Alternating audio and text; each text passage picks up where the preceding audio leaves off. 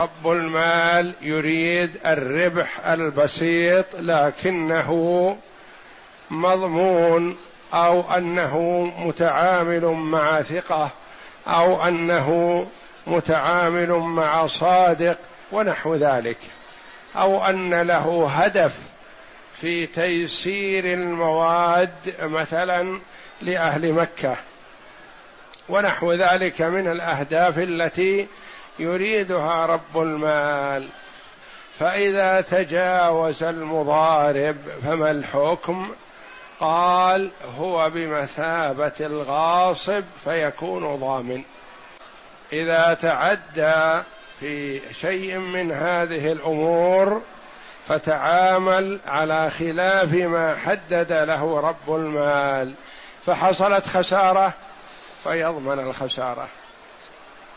حصل تلف يضمن التلف. لأن يده يد غاصب. وكما تقدم لنا أن هناك فرق بين يد الغاصب ويد الأمين. يقال هذه يد أمينة. الأمينة إذا لم يفرط ولم يتعدى فلا يضمن. ويد الغاصب يضمن على كل حال حتى لو لم يتعدى ولم يفرط. فهو ضامن يعني يضمن ما تلف في يده. يلزمه ضمانه. لأنه تصرف بغير إذن المالك. قال له لا تشتري إلا من فلان وفلان وفلان مثلا في جدة. ولا تبع البضاعة إلا في مكة لأني أحب أن أيسر الحاجة لأهل مكة لأنهم جيران بيت الله وجعل الله جل وعلا لهم ما جعل من الهدي والقربان وغيرها فأنا أحب أن أتقرب إلى الله بأن أكرم من أكرمه الله. فلا تبع بضاعتي إلا في مكة. فتجاوز واشترى وباع في جدة مثلا. ثم تلفت البضاعة بغير تعد ولا تفريط. ما تعدى ولا تجاوز وإنما جاءها آفة فيضمنها. لأن يده يد غاصب لأنه لم يمتثل ما حدد له رب المال. فضمن كالغاصب والربح لرب المال. إذا تلف شيء فيضمنه. وإذا وجد أرباح في هذه البضاعة التي اشتراها مثلا من مكان وباعها في نفس المكان ولم ينقلها إلى مكة كما قال صاحب المال فالربح لرب المال لأنه ربح ماله نعم. له يعني يكون عمله هدر. حتى لو حصل ربح ما يأخذ منه شيء. لأنه تجاوز ما حد له. لأنه عمل بغير إذن أشبه الغاصب. فالغاصب عمل بغير إذن فلا أجرة له. نعم. وعنه له أجرة مثله ما لم تحط بالربح كالإجارة الفاسدة. وعنه. وعنه له أقل الأمرين من أجرته أو ما شرط له لأنه رضي بما جعل له فلا يستحق أكثر منه. وعنه أن هذا الذي عمل على خلاف ما حدد له رب المال يكون له أجرة المثل ما يستحق النسبة من الربح المحددة له. فمثلا اشترى وباع على خلاف ما حدد له رب المال ثم صار الربح كثير ربح عشرة آلاف والأصل أنهم اتفقوا على أن له نصف الربح ونصف الربح لرب المال. هل يستحق النصف؟ لا في هذه الحال يستحق أجرة المثل. يقال من اشتغل هذا العمل كم يستحق؟ قالوا يستحق خمسمائة ريال. فيعطى خمسمائة ريال ولا يعطى خمسة آلاف التي هي نصف الربح وإنما له إجرة المثل. ما لم تحط بالربح. قد يكون أحيانا أجرة المثل أكثر من الربح. الربح بسيط مثلا وأجرة المثل أكثر فيحتاج إلى زيادة؟ يقال لا. ما يعطى أكثر. وعنه رواية عن الإمام أحمد رحمه الله له أقل الأمرين. من اجرة المثل أو ما حدد له في الربح. مثال ذلك مثلا الربح عشرة آلاف واتفقوا على ان له خمسين بالمئة من الربح. نقول اجرة المثل كم؟ قالوا اجرة المثل ألف ريال. واللي محدد له كم على هذه الطريقة؟ خمسة آلاف. نقول يعطى ألف الإجرة فقط. إذا كانت نسبة الربح أقل من أجرة المثل فنقول نعطيه نسبة الربح ولا نعطيه أجرة المثل. أجرة المثل في مثل هذا العمل مثلا قالوا ثلاثة آلاف ريال. أجرة العمل مثل هذا العمل ثلاثة آلاف. الربح اتفق على أن له خمسين في المئة والربح ألف ريال. كم يستحق؟ ألف ريال فقط. اللي هو نسبة نصف الربح. المح... النسبة المحددة له. فيعطى الأقل من الأمرين الذي هو نسبة الربح أو أجرة المثل. لأن يده ليست يد أمينة وإنما يعطى مقابل أتعابه. ما أيهما الأقل نسبة الربح أو أجرة المثل يعطى الأقل. نعم. ولا يستحق أكثر من أجرة المثل لأنه لم يفعل ما جعل له الربح فيه. ولا يستحق أكثر من أجرة المثل لأنه تجاوز. وما تقيد فيعطى النسبة نسبة الربح المحددة له ما يعطى. وإنما يعطى الأجرة لأنه بمثابة الأجير. نعم. وقال القاضي إن اشترى في الذمة ثم نقد المال فكذلك. وإن اشترى بعين المال فالشراء باطل في رواية. والنماء لل... وقال القاضي أبو يعلى رحمه الله من أئمة الحنابلة إن اشترى في الذمة أو اشترى بعين المال في فرق في فرق بين الشراء في الذمة وبين الشراء في عين المال.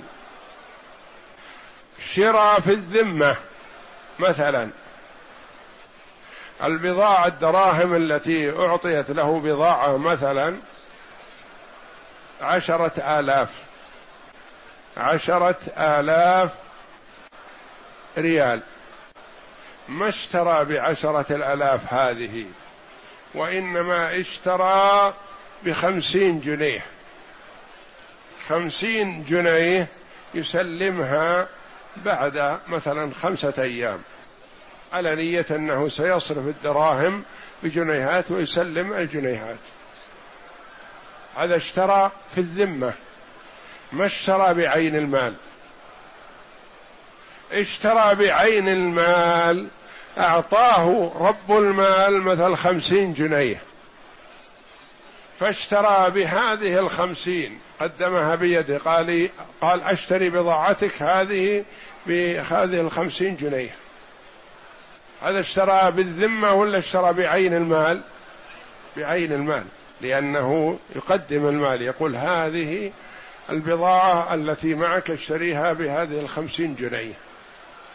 قال القاضي إن اشترى في الذمة ثم نقد المال فكذلك يعني على ما قرر سابقا أن له الأقل من نسبة الربح أو أجرة المثل أما إذا اشترى بعين المال نفسه قال لا أصل البيع باطل. لأنه نقد شيئا لم يؤذن له في نقده. ما اشترى في ذمته ونقد وإنما اشترى بعين المال الذي أعطاه صاحبه وصاحبه لم يأذن. قال البيع من أصله باطل والنما نما المبيع. ليس له ولا لرب المال وإنما هو للبايع. لأن كل بيع بطل فنماؤه للبايع ما يكون للمشتري.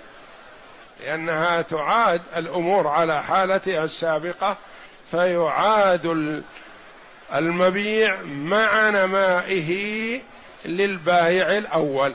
ما دام البيع باطل لأن قابض هذا البيع الباطل يعتبر قابض بغير حق. فليس له نصيب في ربحه ولا في نمائه. هذه وجهة نظر أبي يعلى رحمه الله. يقول إن اشترى في الذمة فعلى ما قرر.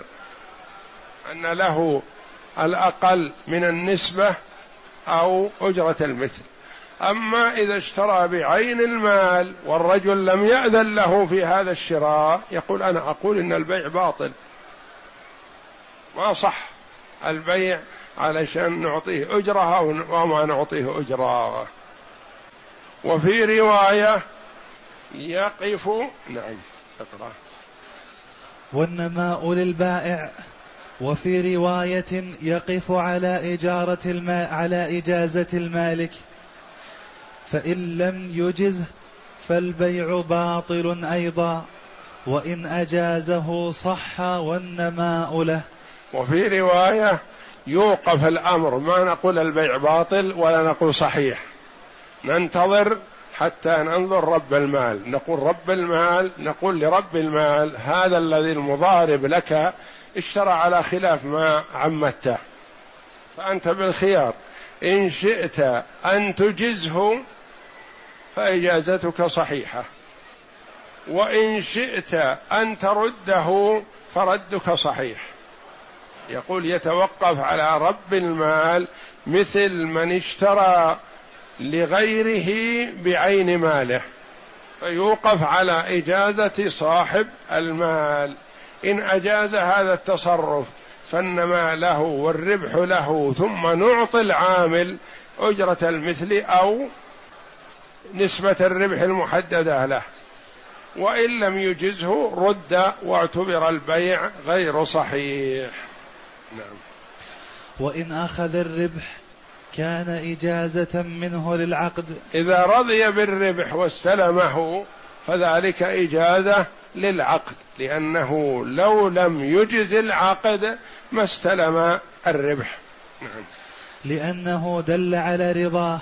يعني استلامه للربح دليل على أنه أجاز هذا التصرف.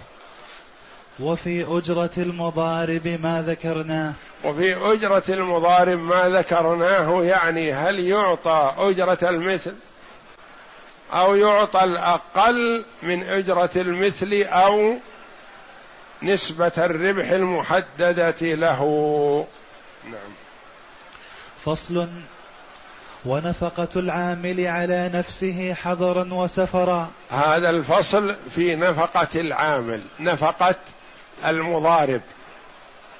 هل ينفق المضارب من هذا المال الذي سلم له؟ مثلا أنت سلمت شخصا ما مئة ألف ريال. تقول ضارب بها في مكة وفي غيرها وسافر وكذا وكذا. هل ينفق على نفسه من هذه المئة الألف؟ أم لا؟ هذا الفصل لهذا. يقول ونفقة العامل على نفسه حضرا وسفرا لأن العامل مقرر له نسبة من الربح. فما يصلح أن ينفق على نفسه ويأخذ نسبة الربح؟ يكفيه نسبة الربح. سيعطى خمسين في المئة مثلا من الربح. فينفق منها. إلا إن وجد شرط. نعم. ونفقة العامل على نفسه حضرا وسفرا لأنها تختص به فكانت عليه كنفقة زوجته. كنفقة زوجته واجبة عليه. ما يقول كل ما يجب علي أنفق من هذا المال. نقول لا. نفقة زوجتك عليك وليست على هذا المال الذي قبضته مضاربة. نعم. ولأنه دخل على أن أن له جزءا مسمى فلم يستحق غيره. ولأنه دخل في هذه المضاربة على أن له نصف الربح أو ربع الربح أو ثلث الربح أو أي نسبة دخل هذه أجرة عبارة وهذه كافية فلا ينفق من المال هذا على نفسه. نعم. كالمساقي. كالمساقي. المساقي الذي تعطيه مثلا الزرع أو الشجر مساقات ومزارعة. تقول مثلا لك نصف ما يخرج من هذا الزرع. لك ربع ما يخرج من هذا النخل. مثلا هل يستحق زيادة على هذا؟ لا. هذا الذي اتفق عليه له هو حسب ما اتفق ولا يعطى زيادة. نعم. وإن اشترط نفقة فله ذلك.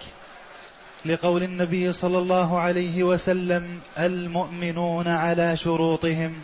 وإن شرط هذا فله ذلك. هذا يحصل بين كثير من ممن يضارب يشترط. يقول أنا معي مثلا مئة ألف مضاربة أشتغل فيها وأذهب وأسافر وأقيم وكذا. ما يصلح إني أقيد هذا على حسابي وهذا على حساب المضاربة وهذا مشترك وهذا كذا؟ يتعبني. من حين ما أستلم المئة الألف وأبدأ في العمل كل نفقتي وأجرة سفري وسكناي ومطعمي ومشربي كل من هذا المبلغ. أن ترضى بهذا وإلا ما أحب أن أدخل معك على شيء فيه جهالة وغرر وإتعاب لي. فإذا رضي بهذا تم. إذا اشترطه قال شرط على أن نفقتي من هذا المال. فإذا شرط هذا فله ذلك. ويستحب تقديرها لأنه أبعد من الغرر. فإن أطلق جاز لأن لها عرفا تنصرف إليه. ويستحب تقديرها. يقول مثلا الرجل العامل نفقتي من هذا المال. يقول ما ما في مانع رب المال لكن انتبه لا تزد عن خمسمائة ريال في الشهر.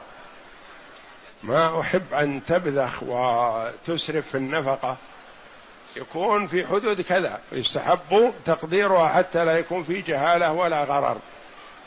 لأنه أبعد عن الغرر أبعد عن الغرر وأسلم من الجهالة لأن العامل العمال يتفاوتون والمضاربون يتفاوتون. مثلا قد يقول مثلا ما دام المال كثير والربح كثير نأخذ ذبيحة في الظهر وذبيحة في المساء. مثلا يسكن مثلا في فندق آه، درجة أولى مثلا. ولا يهمه لأن المال كثير والربح كثير. وينفق ربما يكون أكثر من الربح. قال لا لابد من تقديرها في حدود كذا ألا تزيد. ألا تزيد عن كذا. ويستحب تقديرها لأنه أبعد عن الغرر. نعم. فإن أطلق جاز يعني أطلق قال نفقة مثلك يا أخي. أنت إذا سافرت على حسابك تسكن في الفندق درجة أولى؟ لا. تسافر في الطائرة في درجة أولى؟ لا. تبحث عن الأرخص. فعلى حسب ما تعامل لو كان المال لك. إذا لم تقدر فيكون حسب العرف. إذا جاء وقيل له قدم لنا مثلا مصاريفك. قدم مصاريفه ونفقته خمسين ألف لمدة شهر. قال لا يا أخي ما هو معقول هذا؟ خمسين ألف لمدة شهر؟ هذا الربح. أو ربما يأخذ زيادة على الربح. مدة نفقتك أنت المعروف وين وين سكنت؟ وين ركبت؟ وين كذا؟ وين كذا؟ ينظر. إذا كان تجاوز فما يعطى إلا قدر ما يتعارف عليه الناس. يقال يرجع للتجار. مثل لو كان هذا الرجل يشتغل بماله. كم يكفيه نفقة في الشهر؟ قالوا ما يتجاوز خمسة ألاف. بينما هو حينما اشتغل بمال غيره أنفق على نفسه خمسين ألف. قال لا خمسة آلاف النفقة والباقي تدفعه من جيبك لأنك تجاوزت. فإن أطلق جاز لأن لها عرفا تنصرف إليه. فيرجع إلى أهل العرف وأهل الصنف كم نفقت مثل هذا الرجل. نعم. فأشبه إطلاق الدينار في بلد له فيه عرف. فأشبه إطلاق الدينار في بلد له فيها عرف. فمثلا إذا قال له باعوه مثلا هذه البيعة بخمسين دينار. باعه مثلا بأربعين جنيه أربعة كذا مثلا. البلد يتعامل فيها بدينار كذا ودينار كذا ودينار كذا مثلا. أو يتعامل فيها بجنيه كذا وجنيه كذا وجنيه كذا وجنيه كذا مثلا بثمانية ريالات وجنيه كذا بعشرة ريالات وجنيه كذا مثلا باثنى عشر ريال وهكذا. إذا باعه بجنيه ثم اختلفوا هل هو جنيه كذا أو جنيه كذا؟ يقال يرجع إلى السائد في البلد والمتعارف عليه إنه إذا أطلق البيع يقصد به الجنيه كذا أو الريال كذا أو الدرهم كذا حسب ما يتعارف الناس. ولا يقال إنه باع عليه بالدينار الغالي أو يقول المشتري مثلا أنا اشتريت على أساس بالدينار الرخيص. لا. يرجع إلى العرف في البلد إذا أطلق الدينار فإلى أي دينار ينصرف؟ إذا أطلق الجنيه فإلى أي جنيه ينصرف؟ يرجع إلى العرف. نعم. قال أحمد ينفق على ما كان ينفق غير معتمد بالنفقة. متعد. غير متعد بالنفقة. ولا مضر بالمال. يعني يقول الإمام أحمد رحمه الله ينفق على ما كان ينفق يعني على عادته. ما يقال له قتر على نفسك. إذا كنت تنفق على نفسك من مالك مثلا بالشهر خمسة آلاف يقول له ما أرضى أن تنفق إلا ألفين بالشهر. ولا يتجاوز إذا كان ينفق على نفسه عادة خمسة آلاف بالشهر مثلا يتجاوز وينفق عشرين ألف أو عشرة آلاف. يقول له هذا تجاوز. وإنما هو حسب العرف. ينفق على ما كان ينفق غير متعد بالنفقة ولا مضر بالمال لأنه قد يضر بالمال. تكون النفقة تأخذ الربح كله. ففي هذه الحال تضر بالمال. نعم. وله نفقة وله نفقته من المأكول خاصة إلا أن يكون سفره طويلا يحتاج إلى تجديد كسوة فله أن يكتسي. انظر رحمهم الله فرقوا بين الطعام والكسوة. قال له أن ينفق على نفسه الطعام لأن الطعام ضروري كل يوم. لكن هل له أن يشتري كسوة في الشتاء وكسوة في الصيف؟ إذا سافر مثلا في وقت الشتاء يشتري كسوة شتوية بألف ريال مثلا. هل له هذا؟ قال لا في فرق. إذا كان السفر طويل ومسافة أشهر ويحتاج عادة إلى تجديد الكسوة يشتري كسوة. أما إذا كان السفر أسبوع عشرة أيام ونحو ذلك وعليه ثيابه فما يبدلها ولا يشتري كسوة. فإذا كان السفر طويل أشهر يحتاج إلى تبديل كسوة فله أن يشتري الكسوة. وإذا كان السفر قصير تكفي كسوته التي عليه فلا يشتري على المال كسوة له. فإن كان معه مال آخر فالنفقة على على المالين بالحصص لأن النفقة للسفر والسفر لهما. فإن كان معه مال لآخر يعني الرجل يرغب فيه في المضاربة. هذا أعطاه عشرة آلاف مضاربة والآخر أعطاه عشرين ألف والثالث أعطاه ثلاثين ألف. فاجتمع معه عشرة وعشرين وثلاثين ستين ألف. واشترط على كل واحد منهم أن نفقته على المال. ما يأخذ نفقة كاملة من صاحب العشرة الآلاف ويأخذ نفقة كاملة من صاحب العشرين الألف ويأخذ نفقة كاملة من, نف... من صاحب الثلاثين الألف. لا يأخذ نفقة واحدة من الثلاثة الأموال بالنسبة يأخذ نسبة السدس من صاحب العشرة والسدسين من صاحب العشرين الألف والنصف من صاحب الثلاثين الألف تكون نفقته بحسب نسبة الأموال التي معه للناس. نعم. وإن مات فلم يجب تكفينه لأنه لم يبق عاملا. وإن مات تقدم لنا أن الكفن يعتبر من النفقة. لكن هذا العامل المضارب الذي اشترى اشترط نفقته على رب المال. في أثناء المضاربة توفي العامل مات. وهو يأخذ نفقته من هذا المال الذي معه. ياكل ويشرب من هذا المال الذي معه. مات. الآن يحتاج إلى كفن ثلاثين ألف أو ثلاثين ريال أو خمسين ريال. تؤخذ من هذا المال؟ لا. لأنه الآن خلاص ما في فائدة للمال. وإنما كسوة كفنه على على حسابه. ما يكون من المال. لأنه اشترط أن نفقته من المال حينما كان يعمل لكن الآن مات.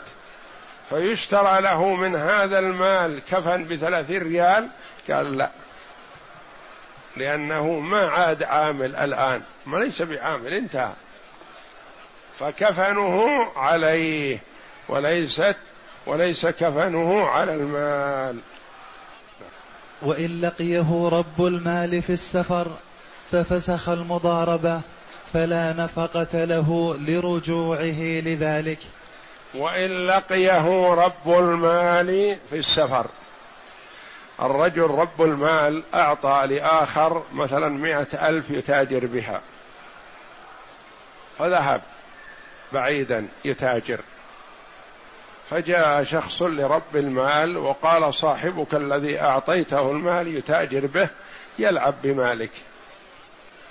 وينفق نفقات طائلة على نفسه ويعزم الآخرين ويجعل لهم كرمات وإكراميات وهكذا على حسابك وعلى حساب مالك. فتأثر رب المال وركب إليه في بلده الذي هو فيه وقال خلاص قف. انتهت المضاربة. سلمني مالي ونتقاسم الربح على حسب ما اتفقنا عليه. ومن المعلوم اتفقنا على ستة أشهر اتفقنا على سنة. لا. قال خلاص يا أخي أنت تسرف في النفقة ولا أرضى بك مضاربا بمالي. فتحاسبا وهم في السفر بعيد. يقول العامل أنا الآن في هذه البلد ليست بلدي وأنا اشترطت النفقة عليك. فعليك أن تدفع لي قيمة التذكرة التي توصلني إلى أهلي. هل له ذلك؟ لا. يقول خلاص أنت مستحق للنفقة وأجرة السفر حينما كنت تشتغل بمالي لكن مالي الآن استلمته فأنت ابقى في مكانك وتعود إلى أهلك على حسابك.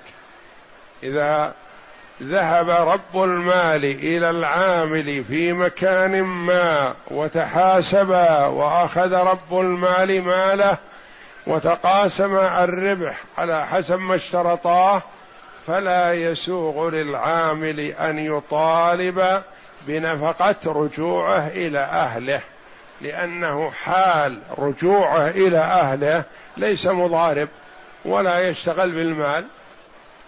فتكون نفقة رجوعه على حسابه. وإن لقيه رب المال في السفر ففسخ المضاربة. فلا نفقة له لرجوعه لذلك. مثل ما قلنا لا كفن له على المال لأنه يستحق النفقة حينما يشتغل. فلما مات صار ما يستحق كفن على رب المال. كذلك لما كان مضارب وفسخت المضاربة في السفر ما يستحق نفقة رجوعه وإنما تكون نفقة رجوعه على حسابه. وهكذا شمول الفقه الإسلامي واعتناؤه بكل صغيرة وكبيرة رحمة الله على علمائنا. وضحوا لنا كل شيء وميزوا وذكروا ما يترتب على هذا ما يترتب على فسخ المضاربة وعلى موت المضارب وعلى سفر المضارب وعلى كون المضارب يضارب بأموال متعددة أو يضارب بمال لشخص واحد وهكذا. حتى يرجع إليها فلا يكون نزاع بين المضارب ورب المال. والله أعلم. وصلى الله وسلم وبارك على عبده ورسول نبينا محمد وعلى آله وصحبه أجمعين.